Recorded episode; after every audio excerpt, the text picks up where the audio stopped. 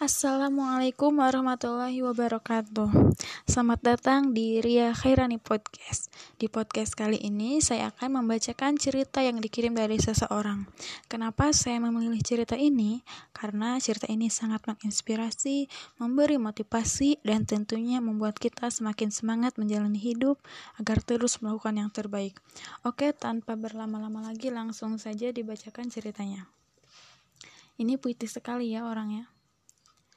Di saat semua dunia tak lagi sama, saya yang ingin terlihat baik-baik saja hanya memendam rasa ketidakpastian. Kala itu, saya sedang duduk di bangku SMP, terlihat tulisan dalam pamflet lomba puisi antar sekolah. Di sini saya mencoba untuk memaksimalkan karya-karya puisi saya.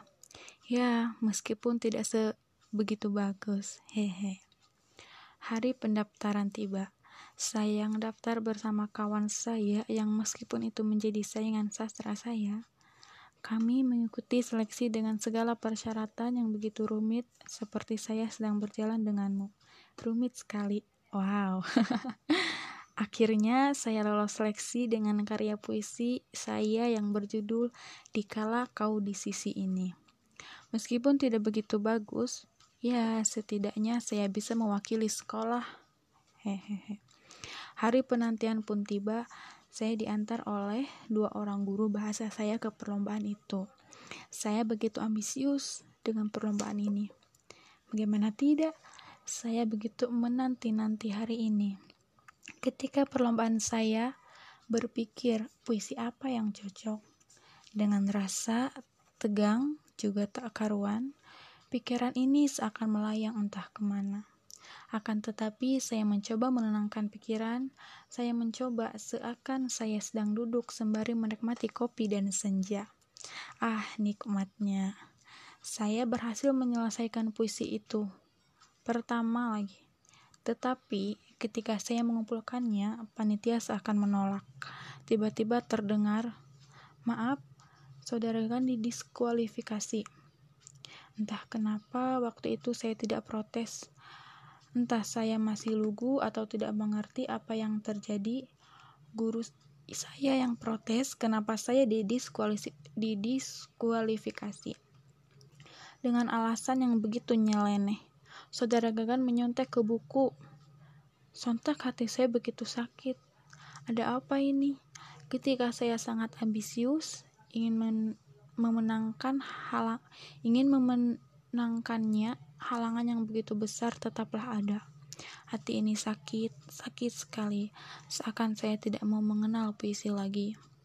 Ketika sampai rumah, saya menangis pasrah, sembari memikirkan apa yang terjadi tadi. Saya tidak mengerti, dalam, dalam hati saya berjanji kalau saya tidak mau berpuisi lagi. Hari demi hari saya lewati dengan tidak menyentuh apa itu puisi. Namun, sewaktu SMA, rasa rindu untuk menulis semakin menjadi-jadi.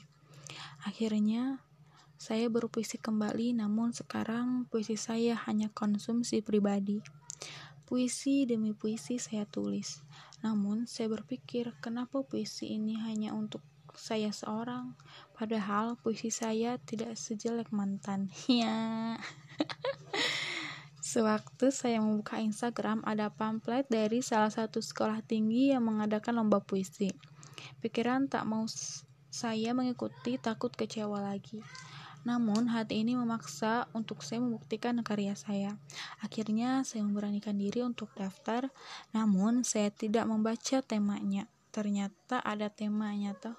Sayang sekarang sering menulis puisi senja, kopi, dan kenangan sontak kaget karena tidak begitu mendalami tema ini dan tidak tahu juga ingin menulis apa.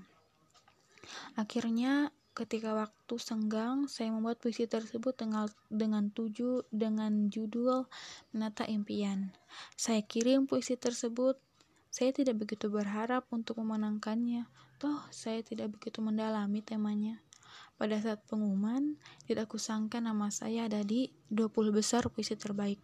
Begitu bangga saya dengan diri saya yang ingin keluar dari zona nyaman, saya lebih tepatnya terbelenggu oleh masa lalu. Ketika kau kecewa, jangan berpikir kau gagal. Berjuang, kalahkan rasa sakit itu hingga senja menatapmu sembari tersenyum. Wow, bagus sekali ya ini ceritanya. Gimana teman-teman? Hah, panjang ting. Assalamualaikum warahmatullahi wabarakatuh. Selamat datang di Ria KR Podcast. Di podcast kali ini saya akan membacakan cerita yang dikirim dari seseorang. Kenapa saya memilih cerita ini? Karena cerita ini sangat menginspirasi, memberi motivasi Dan tentunya membuat kita semakin semangat menjalani hidup Agar terus melakukan yang terbaik. Oke, tanpa berlama-lama lagi langsung saja kita bacakan ceritanya. Ini orangnya sangat puitis sekali ya, bagus ceritanya di saat semua dunia tak lagi sama, saya ingin yang ter, saya ingin eh di saat semua dunia tak lagi sama, saya yang ingin terlihat baik-baik saja hanya memendam rasa ketidakpastian.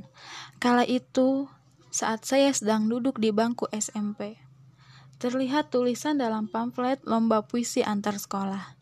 Di sini saya mencoba untuk memaksimalkan karya-karya puisi saya. Ya, meskipun tidak begitu bagus. Hehe. Hari pendaftaran tiba, saya yang daftar bersama kawan saya yang meskipun itu menjadi saingan sastra saya. Kami mengikuti seleksi dengan segala persyaratan yang begitu rumit. Seperti sedang berjalan dengan rumit sekali. Akhirnya, saya lolos seleksi dengan karya puisi yang berjudul Dikala Kau di, Sisi Ini. Meskipun tidak begitu bagus ya, setidaknya saya bisa mewakili sekolah. Hari penantian pun tiba, saya diantar oleh dua orang guru bahasa saya ke perlombaan itu. Saya begitu ambisius dengan perlombaan ini. Bagaimana tidak? Saya begitu menanti-nanti hari ini. Ketika perlombaan, saya berpikir puisi apa yang cocok dengan rasa tenggang dengan rasa tegang juga tak karuan pikiran ini seakan melayang entah ke mana. Akan tetapi, saya mencoba menenangkan pikiran. Saya mencoba seakan saya sedang duduk sembari menikmati kopi dan senja. Ah, nikmatnya. Saya berhasil menyelesaikan puisi itu. Pertama lagi. Tetapi, ketika saya mengumpulkannya, panitia seakan menolak, tiba-tiba terdengar. Maaf, saudara Gagan didiskualifikasi. Entah kenapa waktu itu saya tidak protes. Entah saya masih lugu atau tidak mengerti apa yang terjadi. Guru saya yang protes kenapa saya didiskualifikasi dengan alasan yang begitu nyeleneh. Saudara Gagan menyontek ke buku. Sontak hati saya begitu sakit. Ada apa ini? Ketika saya sangat ambisius ingin memenangkannya, halangan yang begitu besar tetaplah ada. Hati ini sakit, sakit sekali. Seakan saya tidak mau mengenal puisi lagi. Ketika sampai rumah, saya menangis pasrah sembari memikirkan apa yang terjadi. Saya tidak mengerti. Dalam hati saya berjanji kalau saya tidak mau berpuisi lagi. Hari demi hari saya lewati dengan tidak menyentuh apa itu puisi. Namun, sewaktu masuk SMA, rasa rindu untuk menulis semakin menjadi-jadi. Akhirnya, saya berpuisi kembali, namun untuk sekarang, puisi saya hanya konsumsi pribadi. Puisi demi puisi saya tulis. Namun, saya berpikir, kenapa puisi ini hanya untuk saya seorang? Padahal puisi saya tidak sejelek mantan. Ya, sewaktu saya membuka Instagram, ada pamflet dari salah satu sekolah tinggi yang mengadakan lomba puisi. Pikiran tidak mau saya mengikutinya karena takut kecewa lagi. Namun hati ini memaksa untuk saya membuktikan karya saya. Akhirnya saya memberanikan diri untuk daftar, namun saya tidak membaca temanya, ternyata ada temanya toh. Sayang sekarang sering menulis puisi senja, kopi dan kenangan, sontak kaget karena tidak begitu mendalami tentang tema ini dan tidak tahu juga ingin menulis apa. Akhirnya, waktu senggang saya membuat puisi tersebut dengan judul Menata Impian. Saya kirim puisi tersebut. Saya tidak begitu berharap untuk memenangkannya, atau saya juga tidak mendalami temanya. Pada saat pengumuman, tak kusangka nama saya ada di 20 besar puisi terbaik. Begitu bangga saya dengan diri saya yang ingin keluar dari zona nyaman saya, lebih tepatnya terbelenggu oleh masa lalu. Ketika kau kecewa, jangan berpikir kau gagal. Berjuang, kalahkan rasa sakit itu hingga senja menatapmu sembari tersenyum.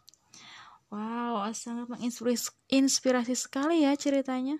Terima kasih telah mendengarkan episode, episode Ria KR Podcast minggu ini. Jika kalian ingin kisahnya diceritakan di podcast ini, silahkan hubungi ria.hairani30 at gmail.com. Wassalamualaikum warahmatullahi wabarakatuh. Bye-bye.